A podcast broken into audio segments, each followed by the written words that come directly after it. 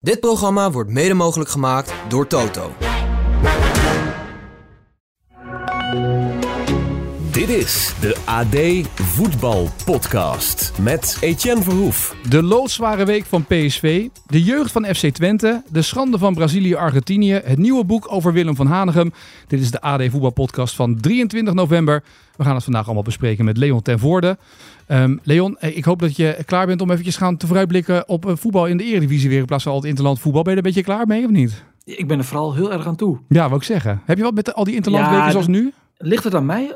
Of ja, het is ook zo snel achter elkaar weer. Hè? Ik bedoel, je zit net lekker, lekker weer in het ritme van de Eredivisie. Drie, vier wedstrijden gespeeld en pats, boem, het ligt weer voor twee weken stil. En ik merk bij heel veel supporters, clubsupporters, ja, die, die hebben daar zo'n hekel aan. Ja, En ik kan me daar wel iets bij voorstellen, want je wil lekker door in dat ritme. ja, precies. En die interlandweek, ja, ook zo Gibraltar. Ja, wie zit er eigenlijk helemaal op zo'n wedstrijd? Hè? Ja, ja, ja, nee, je kijkt er niet naar uit. Nee. Alhoewel ik wel zag, in Duitsland zag ik wel wat moois. Ik weet niet of je het gezien hebt, maar die Nagelsman en, en Trap, dat was een soort Comedy Capers editie was dat, hè? Ja, kijk, eh, Nagelsman is natuurlijk de professor van het Duitse voetbal. Misschien wel van het internationale voetbal. Ja, dus die haalt allerlei foefjes uit om die ploeg maar een beetje aan het draaien te krijgen. Dus ja, hij, ging, eh, hij maakte een, een duidelijk gebaar van, eh, tegen de keeper van ga liggen, ga liggen. Want we, ik heb even tijd nodig om wat spelers te instrueren met onmogelijke opdrachten. En dat deed hij, hè? hij maar- luisterde heel goed naar de baas. Die trap stond zo klaar en die dacht, wat staat hij nou te gebaren? En hij stond klaar om een trap te nemen, een doeltrap of een vrije trap te nemen. Wat staat hij nou te gebaren? En het ging zo heel Het traag. eventjes, hè? Ja. Maar daar kan je het gewoon wel kaart voor geven als VAR tegenwoordig. Als de VAR dat ziet. Dat lijkt me toch heel... Ja, ik weet alleen niet of de VAR was, want het was een vriendschappelijke wedstrijd. Ja, dat is waar. Maar daar zou je eigenlijk zou je als scheidsrechter voor dit soort dingen vind ik eigenlijk wel geel mogen geven. Fraser heeft er ook een handje van hè, in de eredivisie. Ja, ja, ja, ja maar die, is, die hebben ze inmiddels betrapt en die, eh, die hebben ze op het oog. Maar bij, voor, bij Nakelsman was het nieuw. Maar het heeft hem niet geholpen Nee. in die manschaft. Nee, de manschaft ook nog Weer niet. een nederlaag. Ook nog steeds niet hè, de manschaft. Ja, verliezen van Turkije in eigen huis. Eh, nu tegen Oostenrijk, de buren 2-0. Normaal gesproken Duitsland-Oostenrijk is toch een ABC'tje voor, hè, voor, voor Duitsland. Maar ja, het is, het is ongekend wat daar gebeurt op dit moment. Ja, want wat ook als Nagelsman het niet aan de praat krijgt, wie dan wel? nee, hè? ja, het, lag, het lag natuurlijk, natuurlijk eerst aan eh, Joachim Leu. Ja. Hè, en toen lag het aan Hansje Flick. En dan komt Nagelsman, ja, de grote verlosser van het Duitse voetbal. Wel ontslagen bij Bayern, maar toch, grote naam. En ja, het gaat eh, nog steeds eh, dramatisch. Ja, dat is waar. Eh, ken jij eh Piebe Guido of niet? Is dat eh, de zanger van Excelsior? Juist. Nou ja, we hadden gisteren natuurlijk in de podcast, had ik het met Sjoerd erover, dat er misschien wel een liedje voor Mats Wiever en Thijs Dallinga in Oranje zou moeten komen. Hè? Twee Excelsior jongens die dan samen gespeeld hebben, nu samen in Oranje staan. Dus wij hadden dat nu geroepen en gelijk onze luisteraars, goed als ze zijn, gehulden daarvoor, gelijk een berichtje gestuurd naar hem. Maar Piebe Guido zei, ja maar luister jongens, heb ik al lang gemaakt, een liedje over Dallinga. Dat heb ik al anderhalf jaar geleden gemaakt. En Sjoerd excuseerde zich voor het feit dat het niet in zijn playlist al stond op Spotify. Maar ik heb hem toch even opgezocht. Ik dacht, ja, moet toch eventjes, als hij er dan toch is. Hè? Na na na, Thijsie Dallinga.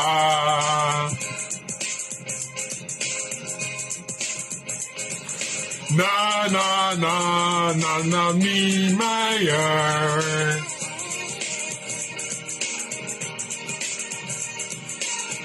Het is een tandem. Thijs en nummer 10.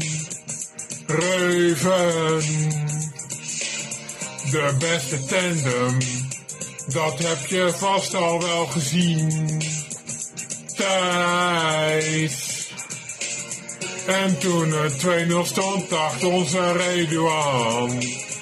2-0 is niet genoeg, ik zal er eens voor gaan. Wij willen Dalin Goat en promotie gloort. Nou ja, et cetera, et cetera. Je snapte. Maar ja, dit zijn beroemde liedjes inmiddels, hè? Hij vergeet alleen Wiever, Ja. hè, want die speelde ook in het elftal. Maar misschien die verderop in het liedje je. zit. Ik, heb, ik moest zeggen, ik moest snel even de track downloaden. En ik dacht, nou weet je, ik heb de track alvast hier. Dan gooi je hem er even in. Ik zal hem in de show notes zetten. Mocht de liefhebber nog het hele liedje willen luisteren, kan daar nog even terug luisteren. Maar die liedjes gaan Piep, viral. Piep, is, ja, Piep is ook wereldberoemd in Twente. Hè, want pas geleden heeft hij een liedje over Daan Rots gezongen. Ja, En vanuit de spelersbus van Twente werd dat opgepikt. En die beelden gingen ook eh, de hele wereld in. Hè? ja, Oh, en Jiménez. Hij is een hit in Mexico door die hit van Jiménez. Dus eh, Ja. zo doet het, hè, wat Twitter. ja, Pieper moet naar het Songfestival, vind ik. Nou, met eh, de, de grootste voetballiedjes. Nou, Als John de Mol luistert, misschien dat, het, misschien dat hij meeluistert. Hey, laten we het hebben over de week van PSV. Die begint in Twente. Eh, want ja, die begint tegen FC Twente. Het wordt wel een loodzware week voor de ploeg van Bos. Ook al zijn ze koploper. op papier wel. Oh, jij vindt op papier? Ja, goed, je weet natuurlijk nooit hoe het uitpakt. Maar ja, er is een, wordt natuurlijk wel ehm, met, met, met heel veel nieuwsgierigheid uitgekeken naar de, de eerste echte grote test van PSV dit seizoen in Enschede.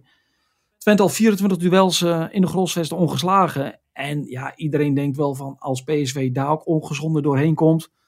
Ja, wie gaat ze dan nog afstoppen dit seizoen? En ja, het, het, kijk, stel dat Twente punten gaat pakken voor PSV. Dat maakt natuurlijk de topper of een week later in de Kuip ook weer wat interessanter. Ja, want voor de spanning in de Eredivisie is het wel goed natuurlijk als, als er ergens iets gebeurt. Toch dat wat dichter bij elkaar kruipt. Ja, heel Eindhoven uh, haakt nu af. Ja. Maar ja, dat is natuurlijk wel zo. Heel, buiten de, de sporters van AZ, hè, dus Twente is natuurlijk een directe concurrent. Ajax komt er misschien ook nog wel weer bij. Die is ook een directe concurrent.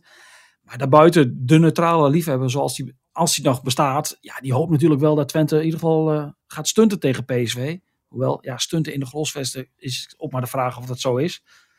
Maar ja, die hopen natuurlijk wel dat PSV een keer gaat struikelen na twaalf wedstrijden. En ja, als we dan de historie uh, induiken, dan is er ooit een seizoen geweest dat PSV ongenaakbaar was. 1988. Ja. 17 wedstrijden zonder puntverlies. En toen kwam FC Twente op bezoek. En je raadt het al. Twente was uh, de scherprechter. Ja, precies. Maar wat, het wordt wat, wat dat betreft is wel ook merkelijk als je het programma van PSV kijkt. Het, het heeft dan Twente PSV dit weekend. Dan heb je woensdag Sevilla PSV. Dan heb je zondag heb je Feyenoord PSV. Maar even verderop is het ook nog PSV in december uit naar AZ. En de, de laatste geloof ik hè? Sorry? De laatste van het jaar geloof ik ja, AZ? Ja, precies. Ja, dan heb je nou nog beker natuurlijk PSV Twente. Maar de, voor de competitie is AZ de laatste competitiewedstrijd. En dan heeft PSV in februari de volgende topper staan. En dat is Ajax uit. Dus PSV heeft eerst alle topwedstrijden uit. En verderop in het seizoen, wanneer eigenlijk het, het seizoen beslist wordt over het algemeen, hebben ze ze allemaal thuis. Ja, en jij denkt nu nou, jij, jij, ik denk dat. Ik vind het, het opvallend. Ik vind het op zich opmerkelijk dat je in, dat, in de verdeling dat je in deze week twee topwedstrijden zo vlot achter elkaar hebt, terwijl je ook nog midden in de Champions League zit. Dat is één. Ja, dat, dat is bijzonder. Maar ik, ik, ik vind het sowieso altijd bijzonder. Als je gaat kijken, dan zie je heel vaak dat de toppers in Nederland achter zo'n zware Europese week zijn. Ja. En ik weet het. De competitieleider is niet te benijden. Dat wordt volgend jaar met de nieuwe Champions League alleen nog maar veel ingewikkelder. De clubs hebben ook al een bijeenkomst gehad met de KNVB, waarin dat ook eigenlijk het hele rampscenario al uh, werd, werd, werd voorgespiegeld van, jongens, hoe gaan we dat volgend seizoen fixen met z'n allen? Maar dit, ja, dit is wel, dit is op zich wel opvallend. Hè? Ze hebben natuurlijk een vrij simpele aanloop gehad. En dan in een week tijd uit naar Twente. Ook voor het seizoen kan iedereen wel bedenken dat dat een lastige wedstrijd is voor PSV. Ze hebben er al twee jaar op rij niet, niet, uh, niet gewonnen. Ze hebben daar vorig seizoen zelfs met 3-1 verloren. Jaren voor werd het 3-3. Dus ja, en daarna Feyenoord, dat had je misschien iets anders ook wel in kunnen kleden, denk je dan. Ja, zeker nu die beslissing met Sevilla in die Champions League ook wel relevant is van waar ze volgend jaar spelen eh, in Europa, of niet? Ja, ja nee, zeker, zeker, ja. En voel, maar PSV zat niet hinken op twee gedachten in dit soort dingen. Die denken toch gewoon, ja, simpel winnen en door, toch? Ja, dat hoort ook bij het bestaan van een topclub. Ja. Hè? Dan heb je dit soort wedstrijden ook gewoon op en af. Je, je wint een wedstrijd. Nou ja, je doet de tas dicht, je stapt in de bus en je gaat naar je volgende klus. Dat is ook het leven wat topclubs natuurlijk willen. Hè? En dat is ook de clubs, de grote clubs in Europa, die, die kennen niet anders. Dat is uh, winnen en door, winnen en door. Dat is het ritme. Ja, maar dan heb je ook nog eens een keer internationals die spelen in, uh, nou bijvoorbeeld Zuid-Amerika of Latijns-Amerika. Die spelen daar lange wedstrijden, zoals Lozano nu met Mexico, 120 minuten. Dan moet je met die 120 minuten een lange wedstrijd weer terug het vliegtuig in. Dat is, ook, uh, dat, dat is toch een aanslag op je lichaam. En PSV heeft lang nog niet helemaal terug natuurlijk. Nee, maar ze zijn het wel gewend. Hè? Die jongens die weten niet anders. Ik, ik kan me herinneren uit uh, van FC Twente, Brian Ruiz, die, uh, die kwam dan op vrijdagmiddag op Schiphol aan vanuit Costa Rica, interland gespeeld. Dan deed, kwam die, ging hij naar Hengelo, een reisje van twee uur. Dan deed hij nog een half uurtje lang een beetje, beetje rek- en strek oefeningen. Ging hij wat lopen. En de volgende dag om kwart tien s'avonds had hij in de 89 minuut de winnende goal gemaakt. Ja, die, die, die, die, jongens die weten niet anders. Die reizen business class. En nogmaals, het is heel veel. Het zijn slopende reizen. Maar ze zijn het wel gewend, de Zuid- en Midden-Amerikanen, zeg maar, als ze in Europa spelen. Ja. Zullen we eens even een voorspellingje doen? Wat denk jij van dit PSV, deze drie wedstrijden? Uh, hoe, wat, wat gaat het, uh, hoeveel wedstrijden gaan ze hier winnend uitslepen, denk jij? Nou ja, laat ik het een beetje spannend maken. Ik denk geen. Oh, echt? Ja, ja ik denk in Enschede gelijkspel. Ja. Sevilla denk ik ook een gelijkspel. Ik bedoel, ja, iedereen zegt Sevilla draait dit seizoen niet. Maar win er maar eens van. Dat hebben ze in Eindhoven ook al laten zien. Het blijft gewoon heel erg lastig, Europees, om tegen ze te spelen. Ja, en ik zie ze ook niet winnen in, in, in Rotterdam. Dus ik denk dat de competitie over een week toch wel weer iets spannender is dan wij nu met z'n allen denken. Ja, het is ook wel weer gek dat je dus dat, dat Twente dat thuisvoordeel heeft, dat stadion, dat ze daar uh, ongenaakbaar eigenlijk in zijn. En dat, P dat Feyenoord dat met PSV ook heeft. Dat PSV in die Kuip, dat is een soort van angstgegner, hè? Ja, Johan Cruijffschaal. Ja. Halen we even in herinnering. Daar won PSV ook. Maar goed, ik vind eigenlijk Feyenoord als ploeg wel nog wel wat beter dan PSV. Alleen PSV leunt wel op individuele kwaliteiten. En dat wordt natuurlijk de botsing over een week van hè, het, het teamspel van, P van Feyenoord tegen de individuele klasse van PSV. Ja. Maar ik schat Feyenoord toch, ondanks dat ze zeven punten achter staan, voetballen wel iets hoger in. Maar Twente heeft volgens mij het recept laten zien hoe je Feyenoord kan verslaan. Ehm, maar is datzelfde recept toepasbaar op dit PSV, vind jij? Zoals ze dat doen, Edam? Ja, ik heb dat toevallig, eh, ben, ik een belrondje aan het maken met wat eh, mensen die er echt verstand van hebben. Van eh, hoe ga je naar de Feyenoord-code, de PSV-code kraken in Enschede. Ja, en dan hoor je van iedereen wel dat het eigenlijk wel wat moeilijker is. Ondanks dat Feyenoord misschien wat beter is als ploeg, is, het, is de PSV-code misschien wel wat lastiger te kraken. Want ze zullen gaan proberen op gaan, te gaan opbouwen. Hè? En Twente is als de één ploeg heel goed druk kan zetten, dan is het eh, FC Twente in eigen huis. Alleen ja, PSV heeft wel de escape naar Luc de Jong. En dus die lange bal, als ze onder druk komen, die kunnen ze dan geven. Alleen ik ben wel heel benieuwd. De verdediging van PSV is in Nederland nog geen enkele keer echt getest. Ja, hoe gaat dat in Enschede? Hè? Je, mag van, ja, je kunt ervan op aan dat, dat, dat die nu wel echt aan de bak moeten. En hoe gaan ze Twente bespelen met Flap die tussen de linies gaat komen, met Ugalde die vaak inzakt? Durven ze door te dekken vanuit het centrum? Ja, daar liggen toch ook wel wat mogelijkheden voor Twente, denk je, vanaf papier. Ja, eigenlijk is dat een beetje wat Maarten van de Week zei over het Nederlands elftal. Het systeem wat Oranje speelt, dat, dat 5-3-2, eh, waarbij de continu eigenlijk door de verdedigers goed doorgedekt moet worden. Dat geldt eigenlijk ook voor PSV als ze tegen Twente spelen. Met al die spelers die daartussen die linies doorlopen eigenlijk. En dat doen ze niet zo graag, hè, Nee. die twee. Nee. Dus ja, ik denk dat het strijdplan van eh, Oosting daar ook wel een beetje op afgestemd is. Ja, tegen Feyenoord begonnen ze enorm energiek, volle druk erop. eh, ja, en een snelle voorsprong. En toen plooiden ze wat terug. Ja, goed. gaat die aanpak ook werken tegen PSV? Ja, je weet het niet. Het, het, het is ook afhankelijk hoe, hoe fit is Veerman. Kan die wel spelen? Hij is natuurlijk geblesseerd teruggekomen van het Nederlands elftal eh, Ja. uit, uit Portugal. Dus dat zijn ook allemaal wel dingen die eh, de komende dagen gaan spelen. Ja, de andere, de andere kant is wel een beetje dat beha- behoudens Stijn en Van Wolfswinkel Twente niet een ploeg is die heel makkelijk scoort ook hè?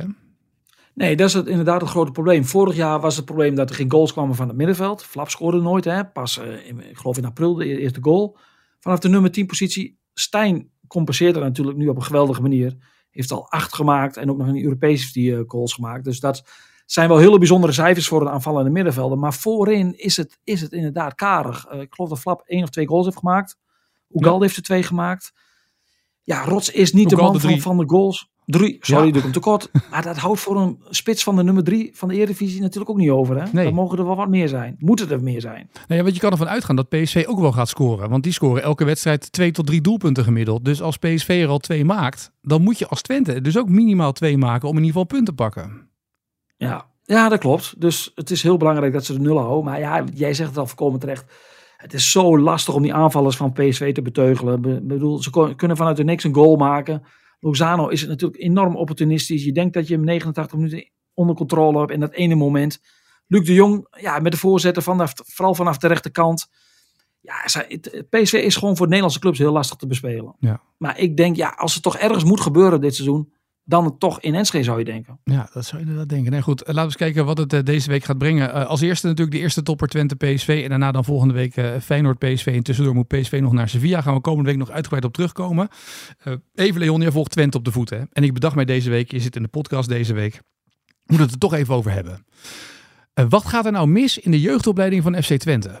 Jarenlang heel erg veel, hè, als je kijkt naar het Nederlands elftal. Nou ja, Wiever, ik ben blij dat hij bij Excelsior gevoetbald heeft. En ik ben niet de enige, want er worden liedjes over hem gemaakt natuurlijk.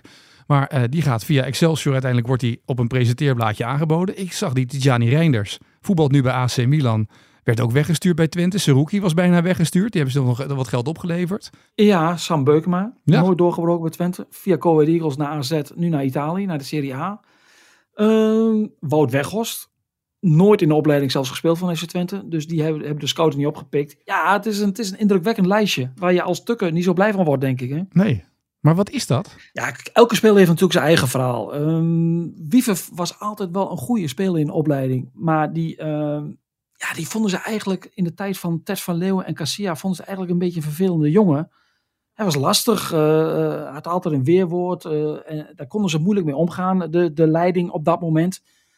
Ja, hij heeft ooit eh, eh, bij zijn eerste wedstrijd uh, maakte hij zijn debuut in een bekerwedstrijd. En toen stond hij heel onbevangen bij ons, bij de pers. En toen zei hij, ja, die ene goal, daar moeten we even nakijken. Want daar staan we natuurlijk met z'n allen niet goed. Nou ja, hij was nog niet in de kleedkamer. Of de toenmalige trainer Pusic, die hem later bij Feyenoord constant knuffelde. Ja. ja, die maakte hem met de grond gelijk helemaal waar alle spelers helemaal in de deuk lagen van wie ben jij wel niet om dit te bekritiseren? Onschuldige opmerking. En later heeft hij in de, in de KKD vier minuten, wel geteld vier minuten gespeeld. Uit bij Top Os als invallen. En dat was het. Ja, toen hebben ze hem laten gaan uh, naar Excelsior. Ja, en een, op, uh, een, een carrière krijgt dan ook een hele wonderlijke wending natuurlijk. Hè? Want toen hij naar Feyenoord ging, toen denk ik dat heel weinig Feyenoord supporters dachten van... nou, dat is onze missing link op het middenveld. Ja, zo kan het gaan. Dat, dat hebben ze toen niet in, goed ingeschat. Het is natuurlijk wel pijnlijk. Een jongen echt uit, uit, uit Borne, ja. uit de regio die nu international is. Um, Reinders is weer een ander verhaal. Er zaten toen andere mensen in de opleiding. Ja, hou je vast, die vonden ze toen te klein. Ja, ja. ja. En dan, uh, ja, dan kun je weggestuurd worden als je te klein bent. En het rare in, in de carrière weer van Reinders is dat hij, uh, die, ja, die waren er zo klaar mee met de opleiding. Die ging toen een jaar bij de amateurspelen in, bij een amateurclub in Zwolle. Om, om, want het was na een bepaalde datum dat je met de overschrijving zat. Dus die heeft een jaar lang in zijn in de belangrijke jaren als jeugdspeler, heeft hij uh, ergens in de, in de onderafdeling gebald. En nu Nederlands elftal. Pijnlijk. Sam Beukema niet doorgebroken bij Twente. Via Corwin Eagles hadden ze toen een samenwerkingsverband mee. Hè. was één opleiding, later niet meer. Ja, geweldig gedaan bij Colwet, gepromoveerd en toen via AZ uh, daar naartoe. Uh, die hebben ze natuurlijk opgepikt bij Ajax op een achttiende. Ja, die, die kreeg elk jaar een, een contractje omdat ze nog een, een achttiende speler nodig hadden voor, voor de voor de selectie zagen ze ook eigenlijk nooit in zitten. Hè. Die moest altijd met een heel klein groepje trainen daar. Met een man of zes, zeven. Was altijd heel pijnlijk gezicht. Roemeratu trainde daar, die nu bij RKC zit. Ja. Uh, Wiever trainde daar ook vaak mee. Ze hadden vaak geen keeper. En Theo de K trainde die groep. En dan zag je dat op, op, vroege ochtend. denk je, ah, dit is toch niet hoe betaald voetbal moet zijn. Ja, um, uiteindelijk mocht hij blijven. En Ron Jans kwam. En ja, het, uh, het vervolg is bekend. Ja. Maar dat... En Weghorst, ja. nooit opgepikt. Maar dat geeft nog toch nooit in de opleiding gezeten. Als je dan zeg maar, kijk, ik snap, als je het kijkt, bijvoorbeeld vanuit uh, Rotterdams oogpunt bezien met drie voetbalclubs in een stad. Dan heb je natuurlijk, de, iedereen wil dan vanuit de jeugd naar Feyenoord. En dan kan je naar Sparta of je kan bij Excelsior. Dat pakt een beetje de, de groeibriljantjes op, de ruwe diamanten die, waar ze nog wat misschien in kunnen zien. Maar het is natuurlijk best wel uh, opmerkelijk dat je dit soort jongens dus kennelijk in de jeugdopleiding iets te makkelijk laat gaan of zo. Ja, het probleem is altijd, die mensen die er allemaal verantwoordelijk voor waren in die tijd, die zijn allemaal weg. Ja. Dus de huidige leiding kan er natuurlijk naar wijzen. Oh, wat hebben we die spelers, hebben ze die laten lopen? En dat is natuurlijk ook zo. Talentinschatting blijft altijd heel lastig. Ja. Uh, we hebben natuurlijk veel meer voorbeelden van jongens. Als je nu naar Nederlands elftal kijkt, die jonge gasten, bijna niemand heeft een jong oranje gespeeld als voor, voor portaal. Hè? Dus ook dat is altijd dat jongens later zich gaan ontwikkelen. Maar het blijft natuurlijk wel heel erg pijnlijk dat deze jongens nooit bij Twente in het eerste hebben gespeeld. Toen was het natuurlijk ook wel in de periode dat het heel erg onrustig was in Enschede. Met heel veel nieuwe trainers, elk jaar gedoe, degradatie. Ja, dan is het voor een jongen als Wiever natuurlijk ook heel lastig om dan door te breken. Maar het is wel een feit dat er toen heel weinig naar de jeugd werd omgekeken. En niet op de goede manier. Want ja, er kwamen allemaal buitenlanders. Uh, Spanjaarden werden ingevlogen. Ja. Dus ja, het, het, het, is natuurlijk... Als je nu naar Nederland zelf kijkt, dat is enorm pijnlijk. Ja. Dat, dat, dat, dat, kun je niet onderuit. Maar ja, die dingen die gaan zo, hè. Ja, nee, zeker. En ik denk dat ze nu... Uh, dat ze nu uh, ja, ik ga ervan uit dat ze dat nu niet, uh, niet weer gaat overkomen. Nee, het is een beetje ook tendens geworden bij al die BVO's toch om veel meer op de eigen jeugd te letten. Proberen veel meer eigen jeugd door te laten stromen daar waar het is. Dat je toch nog Nederlandse jongens hebt die je kan opleiden. Daar kan je geld mee verdienen. Ja, maar je ziet het ook wel bij Twente daarna. Ja. Hè? Kijk, als je naar die generatie kijkt. Mees Hulges komt uit eigen jeugd. Uh, uh, Daan Ros komt uit eigen jeugd. Jaden Oosterwolde speelt nu bij Venebatje, komt uit eigen jeugd. Dus er is later uh, is, is er natuurlijk wel, zijn er wel dingen verbeterd. Dus je mag ervan uitgaan dat die nu niet meer door uh, de mazen van het net van gaan glippen. Nee, nou goed. Uh, dat, over vijf jaar nemen we dit nog een keer door. Ja, kijken hoe het dan staat. Ja, dan zal er ongetwijfeld één speler hè? nu ergens bij Real Madrid spelen die, ze, die nooit in Twente 1 heeft gespeeld, die uit, uit Rossum komt. Ja, zoiets ja. Hey, we gaan zo meteen verder praten over een paar zaken. Eerst even naar het nieuwe boek dat geschreven is over Willem van Hanegem. Vanavond namelijk een nieuwe podcast. Die wordt opgenomen in Rotterdam met Willem van Hanegem en met Guus Hiddink. En natuurlijk met onze eigen Wessel Penning. Dus even bellen met Wessel om te kijken hoe het staat met dat nieuwe boek. Haha, Etienne. Wessel, fijn dat we je even kunnen bellen in de podcast, in de AD Voetbal podcast. Want het, het grote boek van Willem komt zometeen uit natuurlijk. Je hebt het grote boek van Sinterklaas, je hebt het grote boek van Willem zometeen. Nou, het is een klein boekje, bewust. Oh ja. Ehm, en eh, eh, het is een, is een heel klein boekje dat je mooi in je binnenzak kan doen. ehm, zodat iedereen het kan lezen. ja, want eh, wat is het verhaal achter dit boek Willem 80? Nou ja, mensen, ik, ik ken Willem nu een jaar of 10, 12, eh, heel privé eigenlijk. En eh, mensen zeiden tegen me van, eh, ga je nou een keer de, de biografie van Willem van Hanegem schrijven? En dan zei ik altijd van ja, er zijn al zoveel mooie boeken over Willem verschenen. Er is al zoveel verteld. En toen dacht ik opeens, weet je wat, ik doe iets, ik maak het boek over het leven dat hij nu heeft. Willem wordt bijna 80, dat is op zich wel bijzonder. Hè? Er zijn Mhm. al, nou, Ruud Gils is deze week overleden, dat is een oud teamgenoot van hem. Johan Cruijff is er niet meer, Rensenbrink is er niet meer, Piet Keizer is er niet meer. Ehm, en Willem is er nog. En Willem heeft een prachtig leven op zijn tachtigste. Wat, wat, wat bijna niemand heeft. Op zijn bijna tachtigste moet ik natuurlijk zeggen. En ehm, nou, daar wil ik over schrijven. Over dat leven. Want dat is bijzonder. Dat is leuk. Dat is afwisselend. Ja, dat is een, dat is een leven dat zich afspeelt rondom eh, de golfbaan, rondom zijn vrienden volgens mij.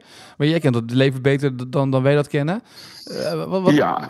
wat voor leven is het nu als je bijna 80 bent? Ja, nou ja, dat is het mooie. Wat- we allemaal willen is een leven met vrienden.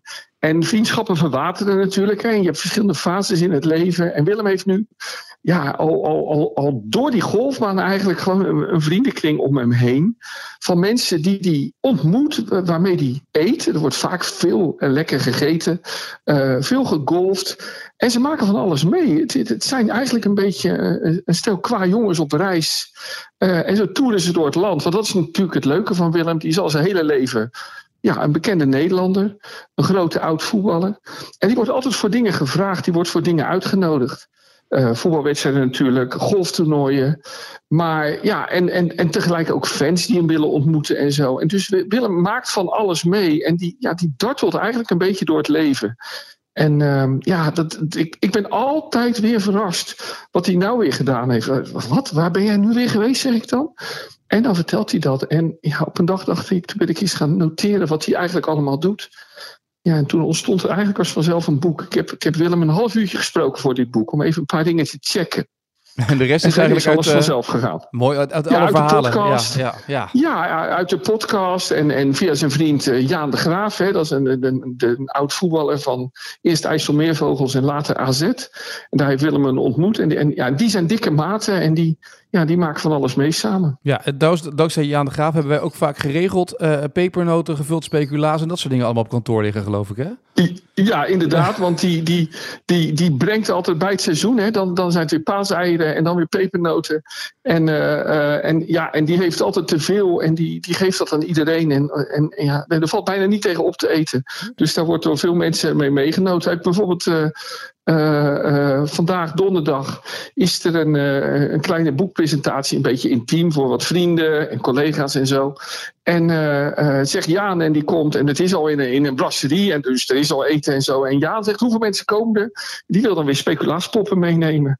Dat is Jaan. En Jaan zegt al, altijd Willem wordt 100. Want Willem leeft heel gezond. Behalve als hij met mij is. Oh, Ehm, dan, eh, dan eten ze van alles. Eh, vis, eh, cake. eh, ehm, ehm, ja, Willem, Willem houdt ervan. Lekker eten, genieten van het leven en veel lachen. En het leuke is, dat is niet altijd het beeld dat van Willem bestaat.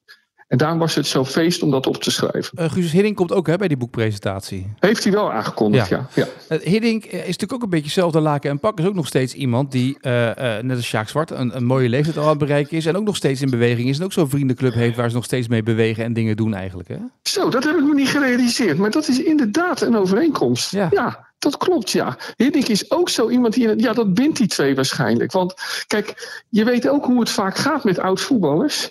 Die zien we eerst in hun korte broeken en met hun biceps en zo. En daar genieten we van. Die zien we op tv. Daarna worden ze trainer en dan houden ze iets van hun magie. Maar dan, dan worden ze ouder. Hè? Richting de 65 worden ze grijzer, kaler. En dan verdwijnen ze een beetje achter de geraniums. En dat is inderdaad Guus Hiddink en Van Hanegem nooit overkomen. Die zijn Nee. altijd in beeld gebleven. Eh, ja, levensgeniet. Ik heb het ook van, van. Ik ik zat op een gegeven moment te denken over. Hoe moeten we dat boek nou, nou noemen? Willem 80 is makkelijk. En toen zat ik te denken, leven, leven. En toen dacht ik, ja, hij is een levensgenieter. Een levenskunstenaar eigenlijk. En dat is het mooie van Willem. Echt een levenskunstenaar. En dat is hij echt geworden. Hè? Want vroeger was het gewoon een voetballer.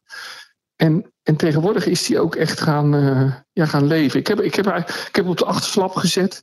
Um, um, hij leerde zij aan zij met Kruif. Uh, in, in, nou, eerst vond hij zij aan zij met Kruif het, het moderne nieuwe Nederlandse voetbal uit. Ja. In de jaren zeventig. En nu uh, op zijn bijna tachtigste leert hij hoe je op late leeftijd ook nog boeiend en lachend leven kan. En dat, dat, dat vind ik wel heel bijzonder. Die ontwikkeling die de mens Willem heeft doorgemaakt van oud voetballer, oud trainer. Ja, tot, tot, tot een, een, een man op leeftijd die nog leeft alsof hij 25 is. Ja, toch is knap hè, de kunst van het genieten. Uh, je kan ook vaak nog verzuurd achteroverleunen en denken, goh, wat moet ik nou nog doen en hoe zit het? Maar de kunst van het genieten is eigenlijk wat het grootste goed wat je kan hebben. Maar dat is het. En, en, en dat punt, hè, er bestaat echt een misvatting dat, dat Willem, Willem, Willem verzuurd is. Maar Willem is kritisch. Hij kijkt kritisch naar voetbal. Die, die eigenschap heeft hij nooit verloren. Dat is ook leuk, die eigenzinnigheid. Maar Willem wil genieten van het leven van leuke dingen. Uh, met mensen om hem heen lachen die hij die, die vertrouwt. Ook altijd als hij fans tegenkomt. En Willem komt natuurlijk iedere dag overal en altijd fans tegen hem. Uh, tegen mensen die, die, die, die hem altijd alles wilden ontmoeten. En dat doet hij altijd met een glimlach op een heel vaderlijke manier. Hij is niet afstandelijk, zoals journalisten altijd denken, zoals ik ook altijd heb gedacht. Maar Willem is eigenlijk een heel innemende man. Ja. Het boek uh, is onder andere verkrijgbaar via uh, ad.nl, maar ook in de boekhandel, ja. neem ik aan. Ja, uiteindelijk wel. Ja, ja, ja, zeker. Ja. En het wordt dan gepresenteerd en met een podcast, mag ik aannemen, gelijk natuurlijk ook. Hè? Ja, ja. ja, en die podcast die, die, die komt dan vrijdag op het net. Ja, precies. Dus vrijdag is Willem en Wessel met een special. Uh, uitgebreid natuurlijk over het boek. En dan uh, hoor je op de, tussen, op de achtergrond een hoop mensen knabbelen op een speculaaspop van Jaan, denk ik dan. Zeker, zo zal het gaan. Zo zal het gaan. ik wens je een mooie avond, Wessel. Uh, en nou, voor meer informatie kijk ook op de site, want op ad.nl staat precies waar en hoe je hem allemaal kan bestellen natuurlijk. En maak er gewoon een mooie ja. avond van. Geniet ervan, zou ik zeggen dan. Uh, uh, dankjewel, Etienne. Dankjewel. Goed, dan van uh, Willem van Hanegem uh, en die podcast. Later dus, uh, morgen staat deze podcast online. Willem en Wessel, vooral ook luisteren, want dat wordt beloofd een mooie avond te worden. gaan we nog even doorpraten, Leon. De schande van uh, Brazilië-Argentinië. Heb je het gezien? In Nederland zijn lievertjes op de tribune. Hè? Ja, ik snap die ophef ook nooit hier zo. Ga even uh, de grens over en je ziet hele andere dingen. Ja, maar dit is wel echt bizar. Ja, het is, was heftig hè? Die politie die gaat, gewoon even erop komt en tak iedereen zo even neerslaat. Ja, ik zag zelfs een, een, een supporter die gewoon een wapenstok van een politieman kreeg. En die mocht gaan meppen op de Argentijnse supporters. Ja. Ja, het waren bizarre beelden. Het, het schijnt dat het ontstaan is omdat er tijdens het volkslied van Argentinië de Brazilianen heftig zijn gaan fluiten. Ja, dat pikken Argentijnen natuurlijk niet. Die zijn toen even een bezoekje gaan brengen aan het, uh, aan het vak daarnaast. En toen is het uit de hand gelopen. En ja, op dat moment dat, uh, dat de Argentijnse sporten zeg maar, echt uh, de, de van langs krijgen van, van de Braziliaanse politie. Te zien die spelers van Argentinië dat, onder leiding van Messi. En die gaan eens, gaan eens kijken wat er allemaal gebeurt. Ja, dan hebben ze nog een keeper die zich dan niet onbetuigd laat. Nee. Die is er zo'n beetje tussen gaan springen. En Messi heeft gezegd van ja, er is elke keer hier wat aan de hand. we gaan naar binnen jongens, we gaan hier niet voetballen. Ja. En ze zijn naar binnen gegaan. Maar moet je hier nou, wat, wat, wat wij hebben vaak de mond vol over wat we moeten doen hè, aan geweld wat er gebeurt en zo. Maar dit soort dingen is ook zo'n politie die dan naar binnen trekt en wat daar allemaal gebeurt op die tribunes. Da, daar moet je toch ook wat aan doen, toch? Maar dat zal weer niet gebeuren. Maar dan moet de FIFA toch eigenlijk wat tegen doen. Dit wil je toch, is ja, geen reclame voor het voetbal, dit wil je niet zien. Nee, maar dat gebeurt nooit. Als een Nederlandse club uh, wat mensen op een trap heeft staan tijdens een Europese wedstrijd, dan krijg je een enorme boete. Maar wat buiten de stadions gebeurt in de steden, daar wordt nooit wat aan gedaan. Hè. We hebben het al eerder gehad op deze plek over Marseille. De vrije staat, daar kun je als supporter gewoon niet naartoe. Je ziet het nu ook, hè. AZ, uh, geen supporters naar een Europese uitwedstrijd. Ja, uh, Ajax niet naar Marseille. Dat krijg je natuurlijk, dat ga je veel meer krijgen nu. En ja, het is wel bizar. Kijk, in, in Nederland hebben de, heeft de politie echt een protocol van we gaan niet ingrijpen. Want soms denk je wel eens, veeg dat uitvak leeg. Hè? Uh, ja. Maar dan komt er vanuit de lokale driehoek het advies om dat niet te doen, omdat de boel gaat dan echt escaleren. Dan wordt het veel erger. Maar in Brazilië, het woord de-escaleren, dat, uh, dat hebben ze nog niet opgenomen in het woordenboek als, bij de politie. Nee, zeker niet. Die meppen er gewoon op los. En ja, met, het, het, het zitten duizenden mensen op, op zo'n klein, op zo'n klein ja, gebied, zeg maar. Ja, als je die beelden ziet, dan is het een wonder dat, dat, dat er niet meer gebeurd is. Want het kan natuurlijk enorme paniek veroorzaken. Ja, precies. Dan heb je zo zo'n enorme stadionramp bijna. Overigens Ja, denk ik dat dit in Argentinië niet zonder gevolgen zal blijven. Want die hebben een nieuwe president die ook een beetje wappie volgens mij is. We hebben hier verkiezingen gehad. Maar ja, daar hebben, we natuurlijk ook, eh, hebben ze ook pas verkiezingen gehad. Ja, die wil alle banden met iedereen verbreken die tegen Argentinië is. Dus dat zal er wat worden zometeen dan. eh, zometeen de volgende eh, Argentinië-Brazilië. Ja, maar ze hebben wel gewonnen, hè? Dat scheelt dan weer. Ja, dat, dat verzacht dan weer een beetje de pijn. Dat verzacht de pijn, ja. Het is wel een knappe overwinning, hè? Want Brazilië staat er niet goed voor in die pool. Nee, dat klopt. Dat is ook Die opmerkelijk staan volgens mij zelfs op een plek waar je niet naar het WK gaat. Nou is dat in Zuid-Amerika bijna onmogelijk om niet naar het eh, WK te gaan. Zoals het hier bijna onmogelijk is om het EK niet te halen. Maar ze staan geloof ik zevende. En de eerste zes van de tien landen gaan naar het WK. Dus het, het komt wel goed. Maar het zegt wel heel veel over de staat van de Braziliaanse nationale ploeg. Net als in Duitsland. Ja, dat gaat gewoon hartstikke slecht. Ja. Op een gegeven moment heb je toch van die periodes hè, dat gewezen grootmachten eh, weer even op de blaren moeten zitten. Bedoel, Italië ook met hakken over de sloten. Hm? Hebben wij toch nooit last van? Nee, wij nooit. Nee, wij halen Nee. gewoon altijd de toernooien als het allemaal goed komt. Maakt allemaal niet uit. Nee, dat snap ik. En hoe maakt niet uit, maar we zijn erbij. Nou, we hebben wel, zag ik in een statistiek voorbij komen, zijn we het derde land met de meeste EK-deelnames of zo, geloof ik, tot nu toe in, in Europa. Dus dat is op zich wel. Europese. eh, Maar ik heb niet het gevoel dat wij daardoor een van de favorieten zijn. nee, dat heb ik ook niet. Nee, nee, zeker niet. Zullen we tot slot van deze eh, voetbalpodcast maar naar de vraag van vandaag gaan? Dat is een goeie. De vraag van vandaag. Dit is de vraag van Sjoerd van gisteren. Nou, Leon eh, woont heel dicht bij de Duitse grens. In, in, in, in die regionen zijn ze, zijn ze stapelgek op, op Duitsland. Hè? Mhm. Eh, daar voelen ze een innige connectie mee, heb ik altijd de indruk. Dus dan doen we een vraag over Duitsland. Eh, Het gastland voor, ehm, op het EK van komende zomer. En ik wil van Leon graag horen. En dan uit, zijn, uit zijn hoofd liefst. In welke Duitse stadions werd op het EK 88 allemaal eh, gespeeld. Dat waren er acht, Leon. En het is, Acht steden. eh, er waren acht steden en acht stadions. Maar welke stadions werd er gespeeld? Weet je het nog? Nou, ik vind dat we vanuit die historie moeten we natuurlijk beginnen met de, de belangrijkste wedstrijd. Die was in Hamburg. Mhm. En de overwinning op Duitsland, de halve finale. Dus Hamburg. Kelsenkirchen hebben we gespeeld. Ja, weet je de stadions ook bij? Want er zijn ook mensen die stadions hebben opgezocht, hè? Oh, dat moeten namen zeggen. Ja? Ja, Volksparkstadion. Ja? Ehm, eh, ja, het, in Keulen. Ja, Olympiastadion in München. ja. Ja, het stadion van VfB Stuttgart. Hoe had dat toen een naam? Daimlerstadion misschien? Ja, ga door. Zoals- Neckar, Neckar, Neckarstadion. Ja. Neckarstadion. Ehm even kijken. Kelsenkirchen van Schalke. Het oude stadion. Parkstadion. Ehm, hoe ver ben ik? Ja, je hebt er, je hebt Olympiastadion, Neckarstadion, Parkstadion, heb je Mungerstadion, Volksparkstadion. Je hebt er vijf, nog drie. Is er in het Westfalenstadion gespeeld in Dortmund? Heb ik hier niet Nee, bij staan? Nee.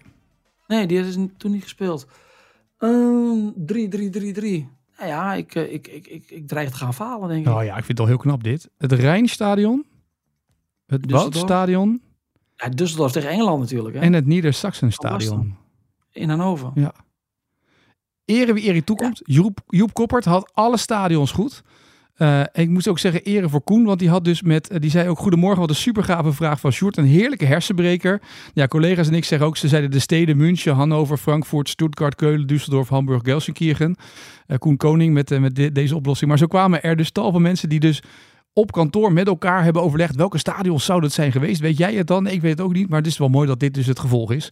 Maar dit was het rijtje. Ik vond het wel heel knap dat je zover kwam hoor, met al die stadions. Ik vond het heel knap. Ja, maar goed, eh, zoals Sjoerd al terecht zei, wij zijn natuurlijk halve Duitsers hier. Hè? Dus ik, ik had van mezelf wat meer verwacht. Nou ja, oké. Maar goed, je hebt, het, eh, je hebt het aardig gedaan. René Seedorf wist het trouwens ook allemaal keurig het rijtje. Dus eh, bij deze hulde, hulde, hulde. En eervolle vermelding voor deze mannen in, voor de, bij de vraag van vandaag. Heb jij nog een mooie voor morgen? Want dan gaan we vooruitblikken natuurlijk op het weekend met Johan Inan. Ja, omdat het weekend eraan zit te komen en natuurlijk alle ogen gericht zijn op, eh, op eh, FC Twente tegen eh, PSV. En ja, buiten Eindhoven, Amsterdam en Alkmaar, iedereen hoopt dat Twente gaat winnen. Twente is dus al 23 duels in Enschede ongeslagen. Tegen welke club hebben ze de laatste nederlaag geleden in Enschede?